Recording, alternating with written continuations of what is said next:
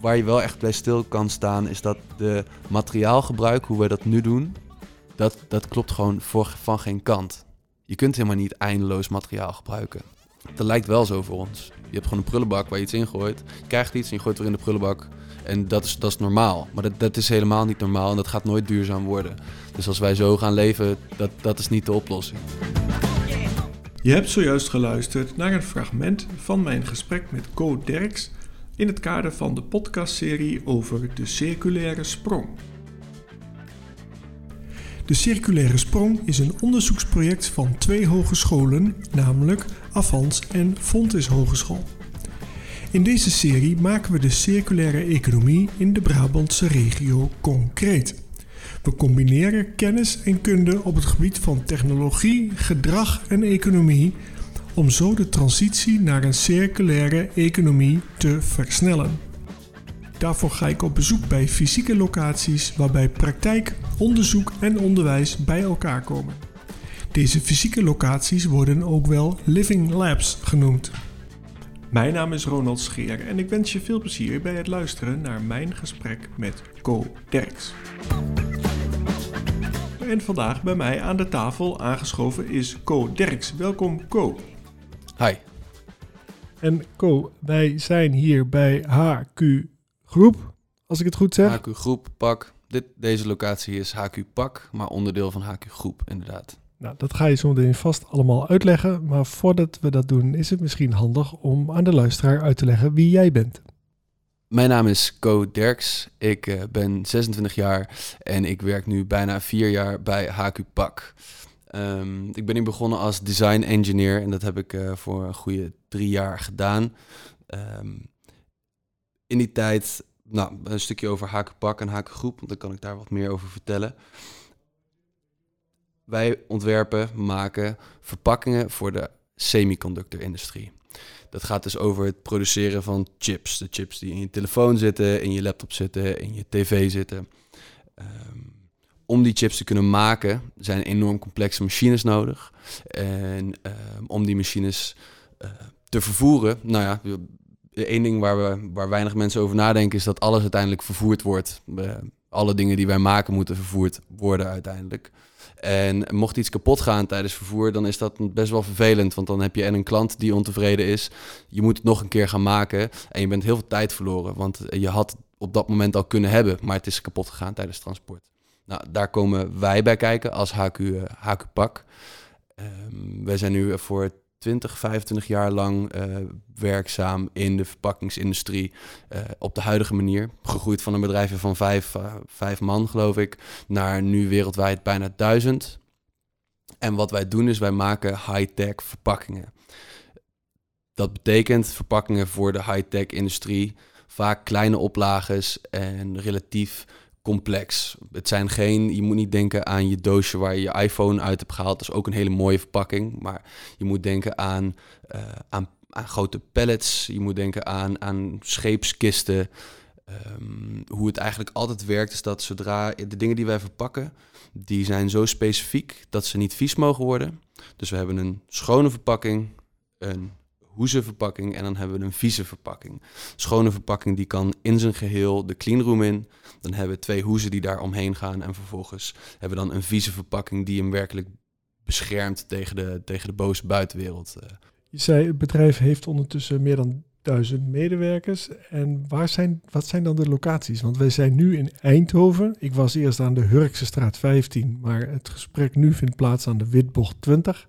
Wat zijn andere productielocaties? Andere productielocaties zijn hier in Eindhoven uh, het servicecentrum. Daar doen wij het servicen van verpakkingen, oftewel het terughalen uit het veld, en deze verpakkingen bijwerken, opnieuw schoonmaken en opnieuw opslaan op locatie. Daarnaast hebben we een vestiging in Nune, Seerde heet die vestiging. Uh, daar maken we de wat minder complexe houten verpakkingen. Uh, je moet denken aan grote scheepskisten, kartonnen dozen, um, pallets met kartonnen uh, installaties eromheen. Nou, relatief, relatief simpele houten verpakkingen. Dan hebben wij een bedrijf en dat heet HQ Plastics. Daar maken wij de plastic onderdelen voor HQ Pak. We hebben een precision cleaning bedrijf dat uh, zich specialiseert in het schoonmaken. En dan echt het, het, het meest kritische schoonmaakwerk van deze verpakkingen. We hebben in Amerika drie vestigingen zitten op locatie bij bedrijven die voor ons uh, interessant zijn. En daarbij hebben we aangeboden om dan op locatie ook die verpakkingen te gaan produceren. Want je kunt je voorstellen dat het natuurlijk helemaal geen zin heeft om iets in Nederland te maken, een verpakking die hol is aan de binnenkant, en dat met een schip naar de andere kant van de wereld te sturen, om dan vervolgens daar weer iets te gaan verpakken. Uh, dus zo hebben we drie locaties in de Verenigde Staten zitten. Um, zoals je mogelijk weet, is de, de semiconductor-industrie zit voornamelijk gecentraliseerd in Taiwan. Dan is er ook een gedeelte wat zich in uh, Zuid-Korea afspeelt en een stukje wat er in de Verenigde Staten afspeelt. China doet daar ook een klein stuk in. Maar voornamelijk een groot gedeelte zit dus in Azië. Vandaar dat wij ook een vestiging hebben in Singapore en een vestiging in Maleisië. Als je het mij vraagt, is dat ook niet waar het ophoudt. Uh, want voor mijn, mijn idee van hoe een toekomst en een duurzame toekomst binnen deze industrie eruit ziet, is dat wij uh, zoveel mogelijk op locatie gaan werken een van, de, een van de grootste problemen die wij hebben is dat wij maken verpakkingen. Daar spenderen we veel tijd aan. Die versturen we naar de andere kant van de wereld. Ja, en dan? Het is heel moeilijk om te zeggen dat met een containerschip terugsturen van zo'n verpakking beter is dan een nieuwe maken hier en die opnieuw uitsturen. Maar vanuit een circulair oogpunt gaat dat natuurlijk helemaal niet op. Dus we zullen toch moeten gaan toewerken naar een systeem waarbij we op locatie kunnen gaan hergebruiken waarbij we die transportkosten minimaliseren, maar alsnog wel ook een circulair systeem weten aan te brengen. Uh, en zeg, nou, stel dat wij verpakkingen maken die allemaal van hetzelfde soort plastic zijn, dat we dat kunnen shredden, dat we daar nieuw granulaat van kunnen maken en dat, dat we dan zo'n volledige container aftoppen met granulaat en dat terugsturen naar Nederland. Je zou nog steeds kunnen zeggen dat zijn emissies voor, het, voor de boot. Nou, dat is zo, maar relatief gezien zijn die dan misschien een stuk kleiner dan het nieuwe granulaat weer in Nederland moeten laten produceren is maar goed dat we wijd verspreid zijn. We moeten nog wijder verspreid worden ook. Ja, ja heel goed uh, dat je zelf al noemt uh, over uh, die circulaire transitie en het hergebruik van materialen. Want dat is tenslotte waarom we hier bij elkaar zitten. Uit mijn hoofd gezegd zijn we aan elkaar gekoppeld door Yvonne van Lid. Zij werkt bij Fontes Hogeschool bij het lectoraat van circulaire transitie. En daar werken jullie mee samen, klopt dat? Ja, Um, wij zijn via het Circular Value Center geïntroduceerd aan, uh, aan een aantal kennisinstituten, waaronder, uh, waaronder Yvonne uh, van de Fontis. Circular Value Center is een, is een initiatief dat is opgestart door de Brabantse maakindustrie. Het is gesubsidieerd vanuit Brabant om de maakindustrie in Brabant naar een circulair, circulaire toekomst te brengen uiteindelijk. Nu zijn er in twee consultancies. Uh, Impact X is dat uh, van Esther Kersten en Yellow Chess uh, van Ferdy Gilsing en Teun Meulenpas. En die hebben de taak op zich genomen om dit proces te gaan stroomlijnen. En wat ze aan het doen zijn, is het bij elkaar zetten van de juiste spelers uit onze supply chain om met elkaar te laten praten. Onder begeleiding van kennisinstituten, waaronder Fontis. In deze sessie zijn we voornamelijk voor onze specifieke supply chain op zoek naar een manier waarop we kunnen gaan praten over duurzaamheid. Um, en hoe is, kunnen we een framework ontwikkelen waarin je circulariteit um, een waarde kunt geven voor onze producten. En dat we daar op dezelfde manier over kunnen praten, maar ook dat we dat op dezelfde manier meten. Um, zodoende bij de fonds is uh, uitgekomen en die ondersteunen in dat proces.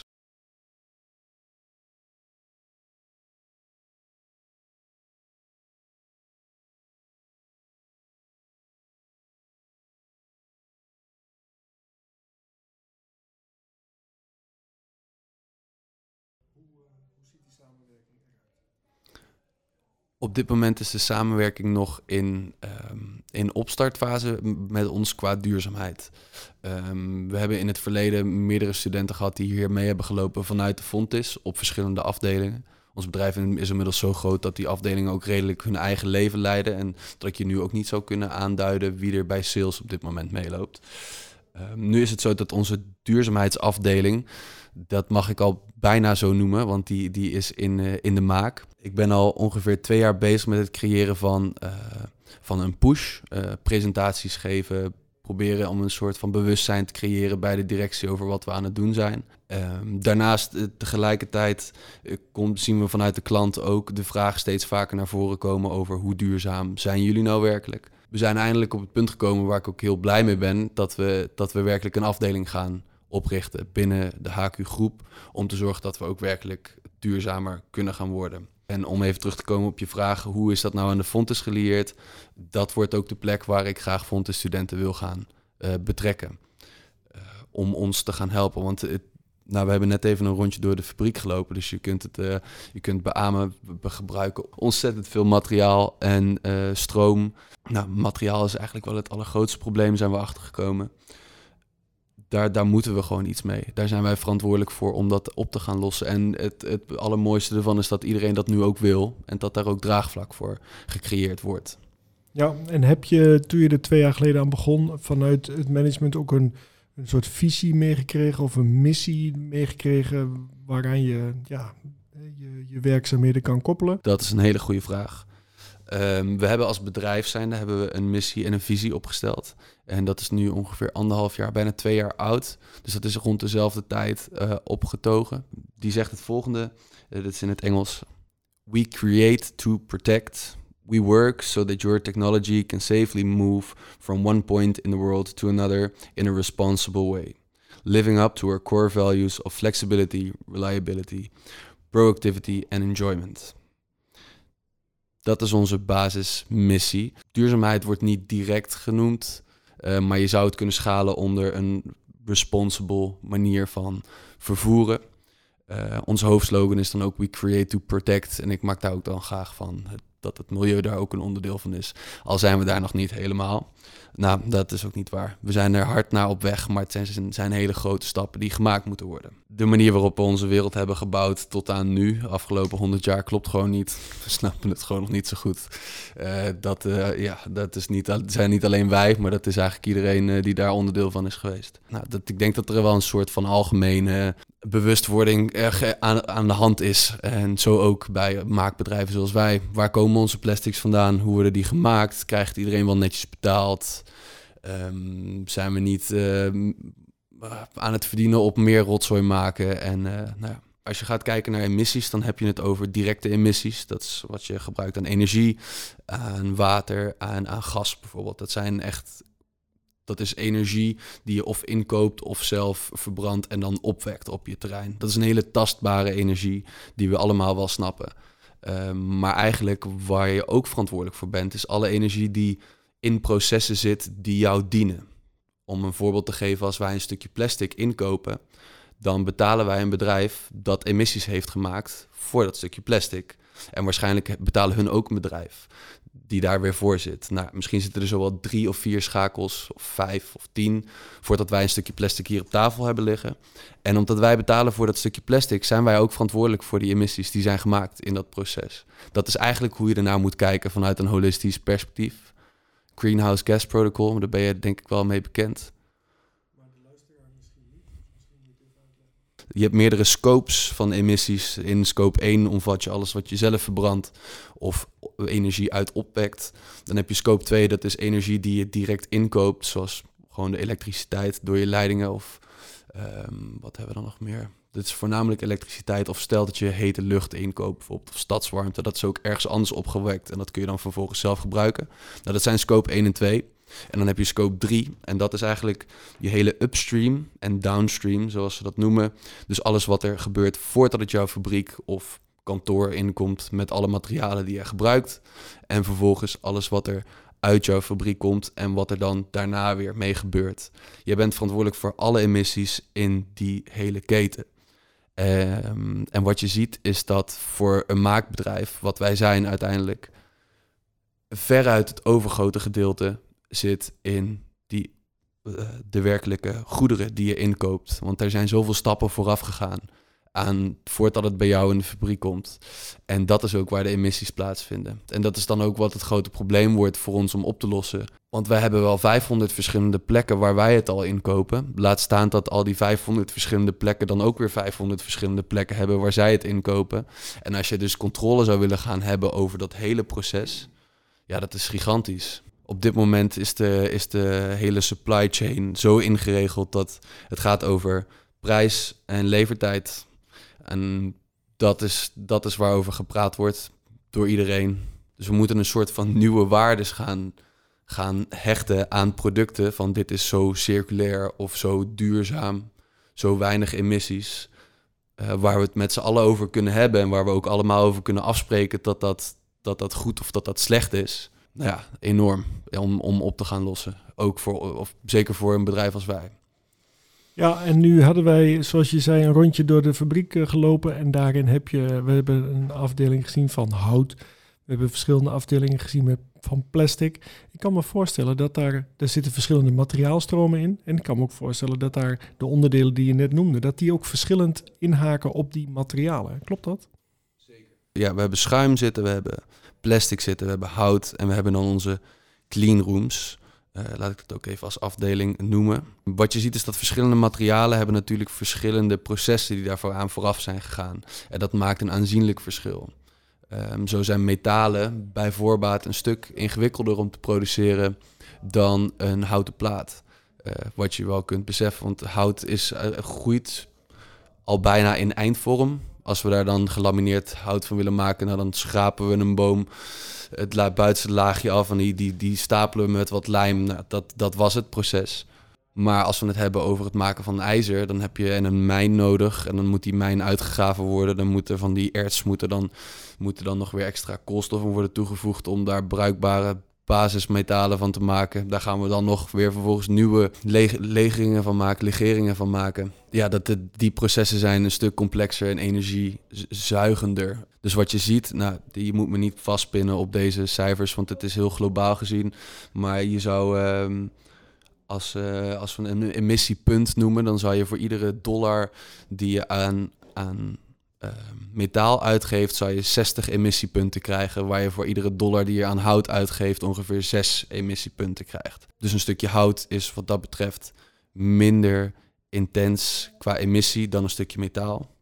Maar dan komt ook weer het complexe stukje ervan. Want een stukje hout kun je 30, 40 jaar gebruiken als je het heel goed lakt en onderhoudt. Um, terwijl je een stukje metaal, wat op de juiste manier gecoat is, een paar honderd jaar goed zou moeten kunnen houden. En als je dus iedere 50 jaar een nieuw product moet maken ten opzichte van één project wat een paar honderd jaar meegaat, dan mag je ook wel wat meer emissies maken om dat ene product duurzamer te maken. Uh, dus zodoende, nou ja, waar wij nu in ieder geval in zitten als bedrijf, uh, process-wise, is dat wij aan het zoeken zijn naar waar zitten nou onze grootste gaten op dit moment. Wat zijn nou de belangrijkste zaken om als eerste aan te pakken? En dat zie je bij ons dat onze houtafdeling daar dus ook niet zo'n grote rol in speelt nog. Uh, want die emissies zijn relatief laag. Het is eerder onze plastics afdeling en onze single-use plastics. Want die processen die daaraan vooraf gaan zijn relatief intensief. En we gooien zo'n stukje plastic gewoon weg aan de andere kant van de wereld. Dat zou eigenlijk niet moeten, kunnen, mogen. Uiteindelijk, denk ik. Ja. Nu is, uh, je noemde emissiepunten. Is er ook een handel in uh, dat soort uh, punten? Of is het of iets vergelijkbaars? Hè? Dat is... Binnen onze industrie nog niet. Maar die zitten er wel. In Europa heb je ETS, als ik het goed zeg. En dat is zo dat iedere of dat ondernemingen een bepaalde hoeveelheid CO2 mogen uitstoten. Hebben ze dat niet uitgestoten, dan kun je dat weer doorverkopen aan de volgende onderneming. Uh, dat is op zich een prima systeem die we nu gebruiken. maar je ziet dat dat nog steeds lang niet, lang niet goed is. Ik denk dat emissiepunten, stel dat we het even zo zouden noemen, dat dat uh, uiteindelijk een van de enige manieren is om het ook globaal op te gaan lossen. Um, of een, een CO2-tax, een bepaalde hoeveelheid die je zou mogen uitstoten. Ik heb al dingen gelezen over mogelijke, stel dat je dat zou mogen, dat het per persoon bepaald is. En dat je als je dan meer uitgestoten hebt, dan moet je daar meer belasting over gaan betalen. Uh, iets, in, iets in die trant. Uh, ik denk dat dat de enige manier is, want er moet incentive zijn om geen CO2 uit te stoten. Als er geen incentive is om geen CO2 uit te stoten, dan gaan mensen het gewoon blijven doen. Sterker nog, als Nederland, stelt dat wij als Nederland minder CO2 gaan uitstoten en daardoor duurdere processen hebben, duurdere producten hebben, minder mensen die producten afnemen, omdat er geen CO2-tax bestaat in hun land. Dat betekent dat onze economie erop achteruit gaat als wij gaan besluiten om CO2-tax wel landelijk in te gaan voeren. Nou ja, dat zijn natuurlijk helemaal niet de, uh, de uitkomsten die wij ambiëren. Doe dat maar eens. Uh, wereldwijd regels uh, vastzetten. Ehm, vorige week, twee weken geleden, is COP27 geweest. Waarbij alle wereldleiders bij elkaar hebben gezeten om nieuwe regels te maken. Maar hoe langer ik, ik ben, ik ben eerder een engineer dan dat ik een social worker ben. Maar ik kan me toch niet voorstellen hoe je ooit zoveel mensen bij elkaar krijgt en het over één regel eens bent en dat dat dan corruptieloos wordt uitgevoerd wereldwijd. Maar toch denk ik dat er ook niet echt een hele andere oplossing op zit. Want het, we moeten zoiets gaan doen. Hoe dat er exact uitziet, daar, dat, dat weet ik niet. Maar zonder gaat, uh, gaat het wel ingewikkeld worden. Ja, en als ik dan ehm, dat zo beluister, dan denk ik, uh, dat redden we nooit. En dan probeer ik wel eens gewoon bij mezelf uh, te gaan kijken, wat kan ik doen om, om kleine stapjes in de goede richting te zetten. Kun jij eens beschrijven wat jij aan kleine stapjes doet? Kan zijn thuis of hier? Nou, mijn stappen die ik zet zijn voornamelijk op mijn werk. Veel om hier het verschil te maken. Ik heb namelijk ook het gevoel dat ik hier, sinds dat ik hier begonnen ben en de problemen ben, beter ben gaan zien, ik ook vooral het gevoel heb, wat ben ik nou aan het doen thuis met mijn kleine stapjes. Dat maakt het ook wel eens dubbel. Ik pak zelf nog steeds soms het vliegtuig, eet af en toe nog vlees. Um, dat is ook wel een goede. Daarom heb ik ook dus niet zo heel veel vertrouwen in als wij iedereen zelf de keuze zouden moeten laten maken om het beter te gaan doen, dat het dan beter wordt per se. Ik denk dat er een dat zo'n tax nodig is, want als het het is zo moeilijk om gedragsverandering te laten plaatsvinden. Zelfs bij iemand die er zoveel. Nou ja, ik zou nu kunnen zeggen: ik heb een redelijk goed plaatje in mijn hoofd van, van hoe het eraan toe gaat, emissiewijs bij ons bedrijf. Nou, op mijn eigen leven dan misschien ook wel. Uh, en nog steeds, voor mij is het heel moeilijk om echt, echt streng te zijn en bepaalde dingen niet te doen. Je kunt ook niet uh, op vakantie gaan of niet buiten de deur eten of anderhalf uur langer reizen met de bus, omdat je dan niet met je eigen auto gaat. Maar dat doe ik toch snel niet. En dat ben ik opgegroeid in een goed gezin, in een eerste wereldland in Nederland, met genoeg, uh, nooit te weinig geld gehad en juiste kennis uh, toegespeeld gekregen. Laat staan de, hele, de rest van de wereld. Ja, dat is een enorme opgave. Dus ik denk toch dat daar wel enige vorm van reguleringen... Ja, dat is de enige manier om het te doen. Anders gaat het gewoon niet lukken. Maar ja, als er dingen zijn die je zelf thuis kunt doen... dan is dat uh, minder kopen. Cadeautjes kopen voor vrienden die ze ook werkelijk gebruiken. minder vlees eten. Nou, dat weet iedereen denk ik al fiets nemen waar mogelijk is. Ja, het, ik denk dat het ook redelijk basic, basic dingen zijn allemaal. Waar je wel echt bij stil kan staan, is dat de materiaalgebruik, hoe wij dat nu doen, dat, dat klopt gewoon voor, van geen kant. Je kunt helemaal niet eindeloos materiaal gebruiken. Dat lijkt wel zo voor ons. Je hebt gewoon een prullenbak waar je iets in gooit. Je krijgt iets en je gooit weer in de prullenbak. En dat is, dat is normaal. Maar dat, dat is helemaal niet normaal en dat gaat nooit duurzaam worden. Dus als wij zo gaan leven, dat, dat is niet de oplossing. Dat is voor mij wel een stukje bewustwording die ik, eh, die ik de afgelopen tijd heb gehad. Dat ik denk, oi, oi, daar zijn we heel ver vanaf. Iedereen wil zijn eigen werk, werkplaats hebben met zijn eigen gereedschap. Je eigen gitaar, je eigen camera met lenzen en je podcast set bijvoorbeeld. Je eigen computer, je eigen auto, een huis. En, uh, maar ja, als jij doodgaat, dan heb je nog een werkplaats vol met gereedschap liggen... wat waarschijnlijk zo naar de afvalverwerker gaat. Dan heb je nog een auto eh, die... of heb je misschien wel vijf, zes auto's gebruikt. Moet je je voorstellen als je al je afval wat jij hebt gemaakt in het leven... of dingen die je hebt gebruikt op een stapel zou leggen aan het einde van je leven wat we dan zouden overhouden. Um, als Nederlander voornamelijk. Want als iedereen in de wereld net zo zou leven als Nederlanders, dan zouden we 3,5 keer de wereld nodig hebben. Heb ik begrepen. Nou, je kunt me fact checken. Ik weet niet of het, hoe exact het is, maar ik, ik geloof het wel. Want wij hebben zoveel meer dan menig mens ergens anders op de wereld. Ja, absoluut. Dus uh, dat is misschien wel een stukje bewustwording. Materiaal is niet eindeloos. Absoluut niet. Ja, is er afsluitend nog iets wat ik niet heb gevraagd of wat je nog wil toevoegen? Mocht je een beetje een idee willen krijgen van uh, hoeveel en wat. Uh, Bill Gates heeft een boek geschreven over How to Stop Climate Disaster. Erg interessant. Hij zet het echt uiteen in gewoon basale data. Wat stoot nou het meeste uit? Waar zitten nou de grootste problemen? En hoe verhoudt zich dat tot elkaar? Uh, erg interessant. Kan ik je zeker aanraden. Daarnaast uh, een boek wat nu net sinds kort uit is van Paul Schender, Schenderling, als ik het goed zeg. Uh, dat, gaat, dat heet Er is leven na de groei. En dat gaat over hoe gaan we dan een toekomst uh, realiseren waarin we niet constant aan het groeien zijn en meer aan het gebruiken zijn. Hoe zou dat er dan uit moeten zien? Zo'n CO2-tax is ook iets waar hij het over heeft. Ellen MacArthur Foundation, erg interessant instituut die eh, veel onderzoek doet naar de circulaire maakindustrie. Zitten ontzettend veel. Die hebben zowel een podcastserie als artikelen op een site die je kunt raadplegen. Erg interessant. Mocht je dit thema interessant vinden en, uh, en verpakkingen en de semiconductorindustrie interessant vinden, kom een keer langs om te praten, zou ik zeggen. Want wij kunnen alle hulp gebruiken die we, die we kunnen krijgen. Uh, nu is het ook zo dat we een duurzaamheidsteam aan het opzetten zijn. Ik, we zijn op dit moment een team van twee. En we mogen dat uitbreiden naar een team van tien over de aankomende jaren. En dat is, uh, ja, daar gaan we hard mee aan het werk. En degene die denkt, hey, die oproep, daar kan ik wel wat mee. Hoe kunnen ze het beste contact opnemen met jou?